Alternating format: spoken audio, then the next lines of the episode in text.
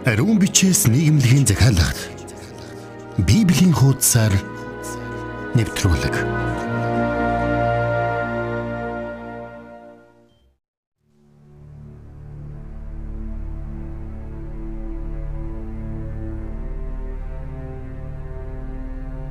Ирхэм сонсогч танд энэ өдрийн мэд хүргэе. Библийн хуудасаар радио цаурал нэвтрүүлгийн нэгэн шинэхэн дугаар эхлэхэд бэлэн болж байна. Бидний Йов номоор аялж Бурхны үгийг ухан ойлгох гайхамшигтай аялал эд дундаа үргэлжилж байна. Бид Йовын амьдралын түүх болон тэрхүү уран зохиолын гайхалтай үг хэллэгээр дүүрсэн энэхүү хичээлээр дамжуулан Йов өөрт нь хачин жигтэй зүйлс тохиолдож байгаа нь Бурхны зориг юм байна гэдгийг ойлгож эхэлж байгаа тухай бид үзэж байна. Энэ цаг мөчөөс эхлэн тэр Бурхан өөрт нь мэдэгдэхгүй ямар нэгэн шалтгаанаар түүний сайн сайхны төлөө ажиллаж байгаа гэдгийг ухаарч ойлгосон. Энэ дэлхийн ертөнцийг бүтээсэн бурхан бүхнийг мэдэж байгаа гэдэгт та бид ч гэсэн Йов шиг итгэх хэрэгтэй. Мэдээж таны амьдралд ч гэсэн ойлгомжгүй хүнд хэцүү нөхцөл байдал мөн зовлон бэрхшээлүүд тулгарч байгаа. Харин бурхан таны бодсноос ч илүү ойр байгаа шүү. Тийм ээ тэр бидний эргэн тойронд ажиллаж байгаа. Амен. Тэгээ тэр бүхнийг харж байгаа. Тэр бүхнийг сонсож байгаа. Бидний нулимсыг хүртэл харж тайвшруулан тайтгаруулж байгаа. Тийм учраас үүнийг Йов ойлгож мэдснээрээ Бурхны агуу тэр мэрэгэн үгсийг даруугаар хүлээн зөвшөөрсөн шиг бид ч гэсэн өнөөдрийн амьдралдаа энэ өдрүүдэд тулгарч байгаа асуудал дарамтын цаана байгаа эзний төлөвлөгөө, эзний оюун ухааныг эрэлхийлцгээе. Өнөөдөр бид хамтдаа 24-р бүлгийн 1-р ишлэлээс 26-р бүлгийн 7-р ишлэлийг дуустал унших болно. Ингээд хичээлийн энэ цагийг түүнд даатгаж эзний өмнө залбирцгаая. Бурхан Аваа бидний гим нүгэлтэй гэж цааш түлхэлгүйгээр харин ч хайрлж уучлсан таньда талархаж байна. Өөрийн хүүгээ бидний гмийн золиос болгон илгээсэнд баярлалаа аваа. Тиймээс таны мэдгүй нэг ч зүйл бидний амь амьдралд тохиолддоггүйг бид тийхүү тунхаглаж байна. Та биднийг мэддэг. Та бүх зүйлийг гарцаагүй мэддэг. Та бүх зүйлийг өөрийнхөө хяналтанд ороо байлгадаг нэгэн. Биднийг та амар амгалан дотор бүхэлж дуудаж өгөөч. Танд найдаж, таныг хүлээхэд туслаарай бас таны үгийг хүргэж байгаа энэхүү цагийг эхнээс нь дуустал сонсох боломжийг та хүнийг болгонд зөвшөөрч өгөөрэй. Ам амьдрал бүхний танд даатгаж эзэн Есүсийн нэрээр залбирanгуйж байна. Амен. Ингээд хамтдаа жаргалах шиг хичээл анхаарлаа хандуулцгаая.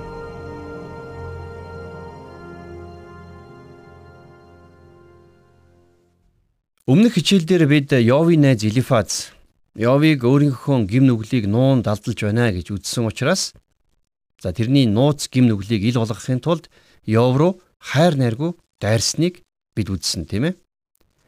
А гисэн ч энээс болж Йов өөрийгөө бүрч илүү хамгаалах хэрэгтэй болж байна. Бурхан яагаад надад ийм хатуу хандаж байгаа юм бэ? Тэр гим нүгэл дотор амьдарч байгаа хүмүүсийг сайшаадаг бололтой гэсэн асуултыг Йов сөргүүлэн найз нартаа тавьж эхэлдэг. За ингээд Йовын найз нартайгаа мэтгэлцсэн 3 дахь мэтгэлцэн үргэлжилж байна. За Йов өөрийнхөө энэхүү үчлийг хэрхэн хүрнэснийг хамтдаа өнөөдөр Йов номынхон 24-р бүлгийг судлах судлалаараа үргэлжлүүлэх болно. За 1-ээс 2 дугаар ишлэлийг хамтдаа гаргаад уншийе. Яагаад хүчит нэгэн цагуудыг ис хадгалж яагаад түүнийг таньж мэддэг хүмүүст түүний өдрүүд үл харагдана вэ? Зарим нь газрын шав тэмдгүүдийг хөдөлгөж тэд мал сүргийг булаан авч бэлчээртэн аваачдаг. За тэгэхээр энд Йов юу гэж ярьж байна вэ гэхээр Йов бусад хүмүүсийн илт гим нүглүүдийн тухай ярьж байна тийм ээ. За мэдээж тэр үед хүмүүс шодрог бус байдал гаргаж газрын шав тэмдгүүдийг наашин цааш нь хөдөлгөн зайлуулдаг байсан. За дээрэс нь 3-аас 4-р эшлэлдэр Йов үргэлжлүүлээд өнчин нэгний илжигнүүдийг туун одож бэлэвсэн эмийн үхрийг барьцаанд тэд авдаг. Дорой нэгнийг замаас зайлуулдаг. Ядуус бүгд нэг дор нуугдах болсон гэж хэлж байна. За энэ Йовын өчлөөс харах юм бол ердөөсөө л өнөөгийн нийгмийн байдал харагдаж байна. Олон хүмүүс бусдад шудраг бусаар хандаж ядуу хүмүүсийг хэрхэн дээрлэгдэг болохыг Йов ингэж хэлсэн байна. За 6 дугаар эшлэлдэр тэд өөрсдийн бус талбайгаас түүж буруу хүний усан үзмийн цэцэрлэгүүдээс үлдэгдэл хайн цуглуулдаг гэж. За энэ удаад Йов хүмүүсийн тариан талбай шудраг хүмүүсийн хтэн адил их ургаз гаргадаг. А тэгсэн мөртлөө яагаад ийм зүйл болж байна гэж асууж байна тийм ээ. Хүмүүс хүн алж, дээрэмдэж, завхаарсан хэрнээ бусдын ладлаар амьдарч булчинд орох нь шудраг зүйл мөн үү гэж Йов гайхаж байна. За 24-р бүлгийнхээ 19-р ишлэгийг харъя. Гам ба халуун нь цас усыг хайлуулан ширгээх мэт нүгэл үлдгэсдийг үхэгсдийн орон залгидгаа гэж. Тэгэхээр муу хүмүүс бусдын ладил булчинд орохоос гадна амьд байхдаа ямар ч буруу зүйл үлдсэн зүгээр өнгөрч байгаа юм шиг санагдаж байна гэж Йов хэлж байна. Энэ үнэн шүү тийм ээ. Юу вэ гэхээр бодит амьдрал дээр муу залтай хүмүүс нь сайн яваад байгаа юм шиг санагддаг. За тэгээд Йов өөрийгөө харахад өвдөж шаналсан, зовж зүдэрсэн байхад шудраг биш хүмүүс сайхан амьдарч сайн явж байгааг нь харагдсан. Тийм учраас Йов би энийг өрдөөс ойлгохгүй байна. Гэхдээ надад яагаад ийм хатуу хандаж байгааг би ойлгомоор байна гэж хэлж байна. 25 дугаар эшлэл. Хэрв энэ бүхэн тийм бус байх аваас хэн намайг худалж гэж нотлон химиний үгсийг хоосон болгохыг харуулах вэ гэв. За Йовын найзууд бол Йов тосолог. Тэдний ярьсан бүх зүйл Йовыг гомдлох шалтгааныг ихлүүлсэн тийм ээ. За жохом юу гэж гомдлсон гэхлээр бурхан яагаад надад ийм зүйл тохиолдуулахыг зөвшөөрсөн юм бэ гэж. За мэдээж энэ асуултыг олон хүмүүс олонтаа асуудаг. Бурхан яагаад миний амьдралд ийм зүйл болохыг зөвшөөрч байна вэ гэж. Би үнэхээр сайн хүн. Харин тэр хүмүүс муу. Тэгэд яагаад надад ийм зүйл тохиолдож байгаа мэ гэсэн энэ санааг Йов давтан давтан ярьсан байна. Өнөөдөр энэ асуулт олон хүний зөрсгөлээс үг болон гардаг. Харин Йов бурхныг ойлгодгүй, өөрийгөө ч ойлгохгүй байгааг бид удахгүй түүний өчлөөс харах болно. За тэрнээс өмнө Йов энэ тал дээр дэндүү хязгаарлагдмал ойлголттой байсан хэрнээ. Бурханд итгэх агуу итгэлтэй хിവэрэ байсан гэдгийг бид санах хэрэгтэй. За одоо ингээд хамтдаа Йовын өшөөнийг найзуулах Билдадын за хамгийн сүүлчийн үгийг үзэх гэж байна. За аз болоход Билдад энэ удаа маш товчхон ярьсан байдаг. За магадгүй Билдад ч бас баг зэрэг юм ойлгож эхэлсэн байх. За Билдад болвол юмыг сайн бодож ухаарч чаддаг. За ер нь л боддог хүн байсан гэсэн үг тийм ээ. За юу гэж бодож ирсэн гэхээр хэрвээ Йов гин буруутай байсан бол Бид бүхний дайралтанд ор яагаад унахгүй байна вэ гэж тэр бодож эхэлсэн байх. Яагаад үг гэхээр Йов энэ бүхний эсрэг зогсож шудраг байдлаа хадгалсаар л байсан. За Билдад ямар хүн байлаа? За Билдад бол уламжлалыг дагагч хүн байсан тийм ээ. За тийм учраас тэр бурхныг тодорхой хууль дүрмийн дагуу л ажилтдаг гэж боддог тийм хүн байсан. Хэдэн мянган жилийн турш өөрчлөгдөөгүй зүйлс цаашид яг тэр хിവэрээ үргэлжилнэ гэж тэр боддог байсан. Туршилт хийгээд үзэхэд дандаа нэг үр дүн гардгаа гэж хэлэх эрдэмтэн бол Билдад. За бурхны хууль бол гим нүгэлтэй хүмүүсийг шийдэгдэ гэдэгт тэр итгэдэг байсан. А гэхдээ Йов гим нүгэлтэй байсан бол яагаад амьд хിവэрэ байгаад байгаа юм болоо гэж тэр гайхаж эхэлсэн байна. Дэлхийн ертөнц хэрхэн үүссэн талаар мэдэмхийрч ярьдаг теологчид ч эрдэмтэд ч цөөнгөө байдаг. 2 тэрбум жилийн тэртээ бурхан юу хийснийг тэд бүгдийг нь мэдэж байгаа юм шигээр л ярьдаг. Тэгэхээр бид өөрсдийгөө юм мэднэ гэж боддог нь маш том эндүрл. Ер нь маргааш юу болохыг хэн ч хэлж чадахгүй байж 2 тэрбум жилийн тэртэх зүйлийг мэдэх боломжтой гэж юу? Тэгж мэдэмхийрч байгаа хүмүүс өөрсдийгөө ч бусдыг ч төөрөгдүүлж байдг нь харамсалтай. Эхлэл номын 1-р бүлэг үнэхээр яг ямар утгатай болохыг бүрэн мэдэх хүн байгаа гэж юу? Өнөөдөр Мосе амьд байсан болвол зарим нэгэн шинжлэх ухааны тайлбарыг сонсоод хөх инээд нь хөрж та хэд ч намайг эхлэл номыг бичснээс хойш их юм зохиож аваа шивдэ гэж хэлэх байсан баг. Тэгэхээр би юу гэж хэлэх гээд байна вэ гэхээр Бурхны арга замуудыг таньж мэдэх боломжгүй гэдгийг за Билдад ч бай, орчин үеийн ухаантнууд ч бай ойлгох хэрэгтэй. За ингээд хамтдаа Йов номынхон 25 дугаар бүлгээс за Йовд хандаж Билдад юу гэж ярьсныг хамтдаа уншийе. За 1-ээс 2 дугаар ишлэл. Дараа нь шух хүн Билдад хариулж хаанчлал хийгээд аюумшигнэ. Өөрийн өндөрлөгт амар амгалаг тогтоодог түүнийх. За их гайхалтай үгээр ихлүүлж байна тийм ээ. Өөрийнхөө яриаг тэр бурхныг өндөрт өргөмжилж байна. Түүний тухай зөв ойлголттой байгаа нь сайн хэрэгэ гэж би бодож байна. За үргэлжлүүлээд 3 дугаар ишлэл дээр Түүний цэрэгт тоох хэмжээ гэж бий юу? Түүний гэрэл хиний дээр өргөгддөггүй вэ гэж асууж байна. За тэгэхээр Бурхны гэрэл хүн болгон дээр тусдгаа гэсэн санааг Билдад энд хэлж байна. Өөрөөр хэлэх юм бол Бурхан бүхнийг захирагч нэгэн гэдгийг Билдад энд маш тод томруунаар илэрхийлж байна. За дөрөвдүгээр ишлэл. Тэгвэл хүн хэрхэн Бурхны хувьд зөвхт байж чадах вэ? Эмэгтэйгээс төрсөн тэрээр яаж цэвэр байж чадах вэ? За энэ асуултыг мэдээж хүн болгон өөрөөсөө асуудаг байх уу? Мэдээж Билдад энэ асуултыг хамгийн түрүүнд асуух хэрэгтэй байсан.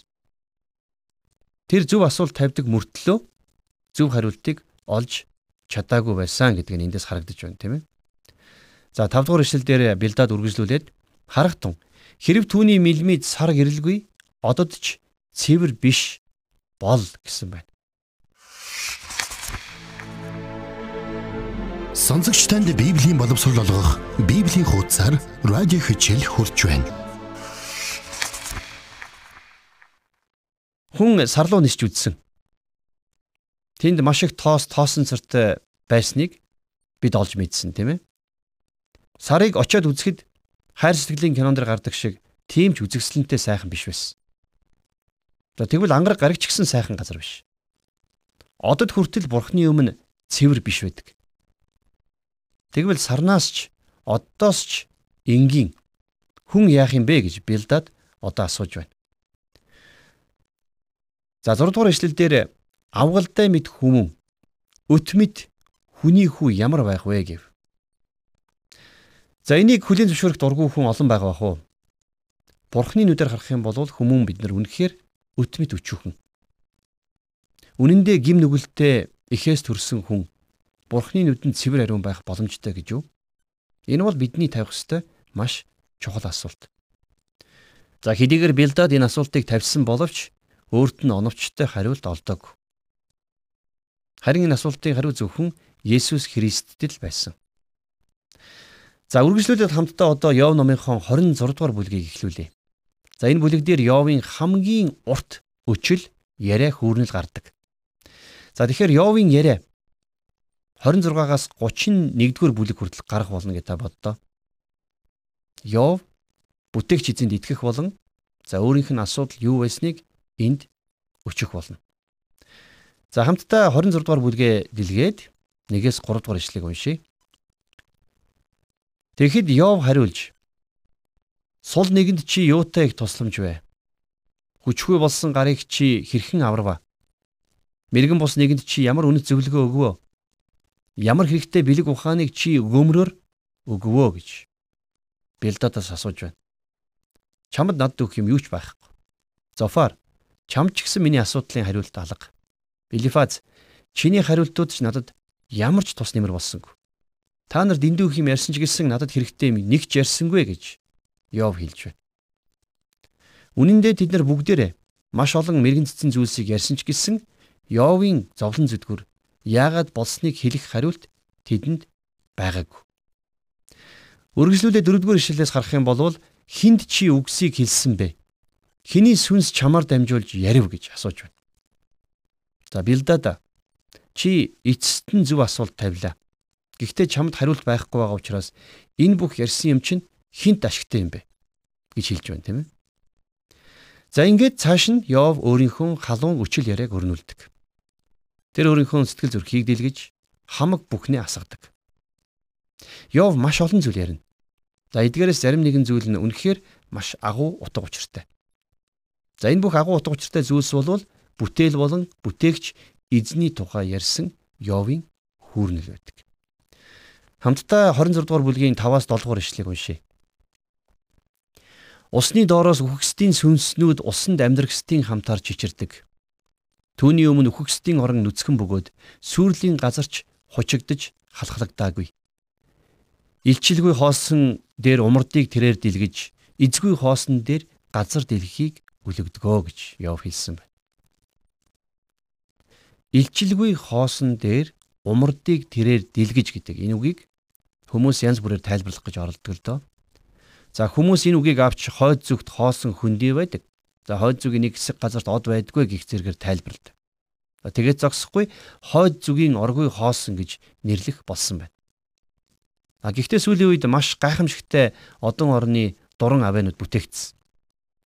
За эдгээрээр харах юм бол бурхны бүтээсэн ертөнц хаасаагүй од гаригаар дүүрэн байгаа нь харагддаг. Тэгэхээр Йовын хэлэх гээд байгаа санаа бол бурхан гараа сунгаад хоосон орон зайг бүгэлжээ гэсэн утга санаа байсан. Сансар огторгуу бол бурхны бүтээл. Бурхны бүтээс нэг одноос нөгөө од хүртэлх орон зай гэрлийн хурдаар хэмчихэд хідэн тэрбум жилийн зайтай байдаг.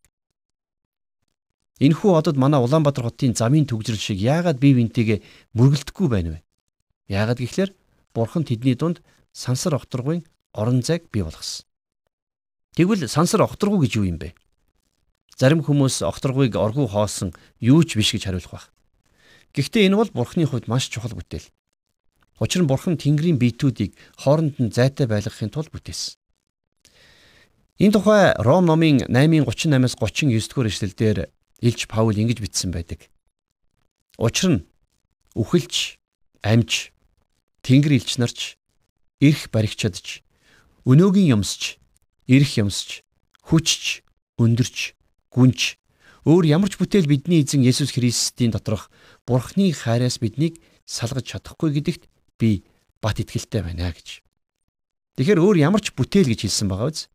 За тэгэхээр энэ бүтээл гэдэг дотор сансар огторгүй багтаж байна. Энэ бүхнийг сайтар бодож үзэх юм бол нилээд том дүр зураг бидний оюун санаанд буух учиртай. Тэгэхээр сансар огторгүй гэж юу вэ гэж бодоод үзээрэй. Үнэхээр л сарлуу очиход маш их хугацаа шаардна. Газар дэлхий болон сар хүртэлх өргөн уудам орон зай ямар учиртай юм болоо гэдгийн хариулт бол энэ бол зүгээр нэг хоосон орон зай биш. Бид энийг жохом юу болохыг нь баттай мэдэх боломжгүй ч гэсэн энэ нь Бурхны бүтээл мөн гэдгийг л бид нэр сайн мэднэ. Түүний зорилгын дагуу оршиж байгааг ч бид нар мэднэ. Тэм учраас Йов эзгүй хоосон дээр газар дэлхийг өлөгдгөө гэж хэлсэн байна. Тэгэхээр энэ үгсийг яг хэн хэлсэн бэ? Йов итгэлийн анхны өв эцгүүдийн үед амьдарч байсан хэрнээ. Дэлхий сансар огторгой дээр тогтдгийг мэддэг байсан байна. Бурхан дэлхийн бөмбөрцгийг ямар ч тулгуургүйгээр сансар огторгойн тунд өөрийн хуулийн дагуу тогтоон барьж байдгийг эрт дээр үеийн сансар судлаачид мэддгүй байсан шүү дээ. Харин Йов Бурхан эзгүй хоосон дээр дэлхийг өлгдгөө гэдгийг мэддэг байсан байгаа биз? Дэлхийн бөмбөрцөг доор ямарваа нэгэн тулгуур байхгүй. Хэрв дэлхийн бөмбөрцөг доош унах юм бол аль чиглэл рүү унах юм бол дэлхийн таталцлын хууль зөвхөн дэлхийд л үйлчилдэг. Тиймээс дэлхийн төв хэсэг рүү татдаг. Харин та сансарт нисэх юм бол тэнд дэлхийн шиг таталцах хүч байхгүй. Тэгэхээр аль нь дээр аль нь доор гэдгийг ялгах арга байхгүй гэсэн. Дэлхийг сансар огторгож чухам юу барьж байдаг юм бэ гэж та бодоод үзээрэй. За тэгвэл энэ асуултын хариултыг Колосой номын 1-р бүлгийн 17 дугаар ишлэлээс харах боломжтой юм байна. Энд дээр ингэж бичсэн байна. Тэр бүх юмсын урд байна. Бүх юмс түүний дотор оршин тогтнодгоо гэж байна. Тэгэхээр энэ ишлэл дээр гарч байгаа оршин тогтнодог гэдэг үг нь сүнисцем гихч грек үг байгаа юм. Орчуулах юм бол хамтдаа баригдах гэсэн утгатай. Тэгэхээр Христийн дотор бүх зүйл хамтдаа баригдан оршин тогтнодог байх нэ. За энэхүү сонирхолтой яриагаа дараачихан хичээлээр үргэлжлүүлэн үздэцгээе.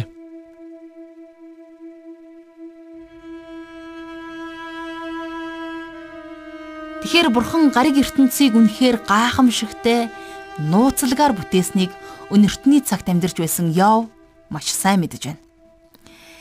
Бурхан дэлхийн бөмбөрцгийг сансар огторгуйд байрлуулсан. Тэр дэлхийн бүх үйл явдал тэр дундаа таны амьдралыг ч хүртэл барьж байгуулдаг нэгэн. Тэр бүх зүйл бурхнаас баригдаж, бурхнаар дамжин оршин тогтнож байна. Христийн дотор бүх зүйл оршин тогтнодог учраас бидэнд айх санаа зовох зүйл нэг ч үгүй. Гагцхүү та бидний амьдралын зорилго бол зөвхөн Бурхны зорилгын дагуу амьдрах юм. Учир нь та бидний амьдрал энэ дэлхий дээр баян ядуу, нэр алдартай энгийн байх нь хамаагүй. Харин амьдралын төгсгөл ирэхэд хаана байх вэ гэдг л хамгийн чухал. Тиймээс та яг хаана байхыг хүсэж байна вэ? Энэ асуултыг таны оюун бодолд үлдээе муу мухай хийгээд ч хамаагүй. Ганцхан олдох амьдрал учраас зугаа цэнгэлтэй сэтгэл хангалуун тансаг амьдрах уу? Айсвал Бурхны зорилгоор зөвхт даруусгал дотор амьдрах уу? Сонголт нь танд байгаач Бурхан хүмүүс бидний зүрх сэтгэлийг хардаг гэдгийг битгий мартаарай. Энэ хүрээд өнөөдрийн хичээл маань өндөрлөж байна. Харин сонссон сурсан болгоныхоо төлөө түүнд талархаж хэрэгжүүлэх хүч, урам зоригийг эзэн Бурханаасаа гуйж залбирцгаая. Бурхан Аава, та биднийг өөрийнхөө ард түмэн болгон бүтээсэнд баярлалаа аваа. Та бол орчлон ертөнцийг бүтээгч эзэн. Та бүхнийг Кристийн дотор барьж байгуулж, оршин тогтнуулдаг эзэн бурхан. Тиймээс бид ойлгохгүй байгаа ч гэсэн өнөөдөртөө бид хагасхан хугасхныг мэдэж байгаа ч гэсэн таны амар тайван танаас бидэнд өгөгдсөн тэр хайр нэгүсэл дотор алхахыг бид хүсэж байна. Тэгээд их эзэн минь ээ таныг мэдэх мэдлэг дотор нэгүсэл дотор улам илүү хөгжин дэвшиж өсөж хөгжихийг хүсэж байна. Та өдөр тутам бидэнд өөрийгөө нээн харуулаарай. Таны зорилгын дагуу зөвхт амьдрахад та ариун сүнсээрээ биднийг ивэж, юрөөж, тосолж өгөөрэй. Бүх зүйлийг танд өргөж, эзэн Есүс Христийн нэрээр залбирanгуйлаа. Амен.